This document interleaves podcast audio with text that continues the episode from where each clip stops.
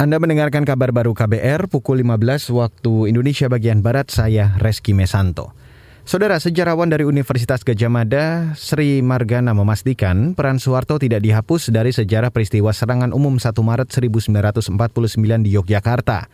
Sri Margana merupakan sejarawan yang turut merumuskan naskah akademik keputusan Presiden nomor 2 tahun 2022 tentang Hari Penegakan Kedaulatan Negara.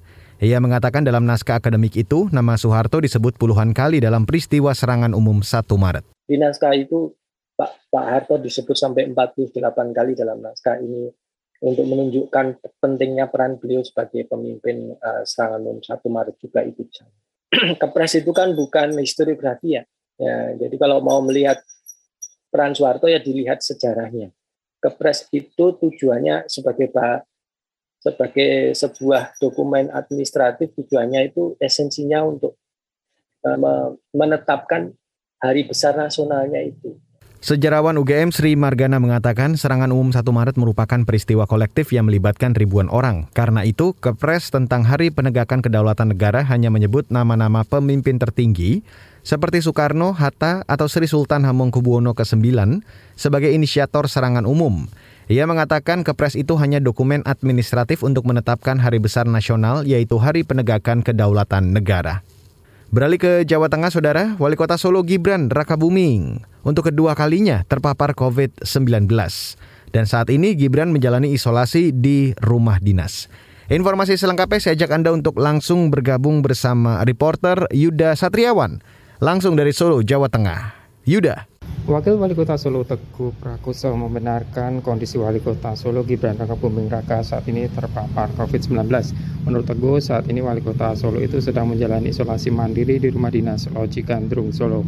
Teguh menjelaskan kabar itu diperoleh langsung dari Gibran yang sedang menjalani karantina semalam. Beliau sudah WA ke teman-teman media bahwa beliau menyampaikan positif itu saja. Beliau merasakan itu kan di hari. Jam 6 beliau ke bergeser ke loji, kemudian saran dokter untuk setelah ada pemeriksaan untuk PCR, hasilnya siang, tapi kan kami nggak disampaikan. Lebih lanjut Teguh mengungkapkan Wali Kota Solo Gibran Raka Buming Raka mengalami gejala batuk sejak Kamis dan menjalani tes PCR Jumat akhir pekan kemarin dengan hasil positif.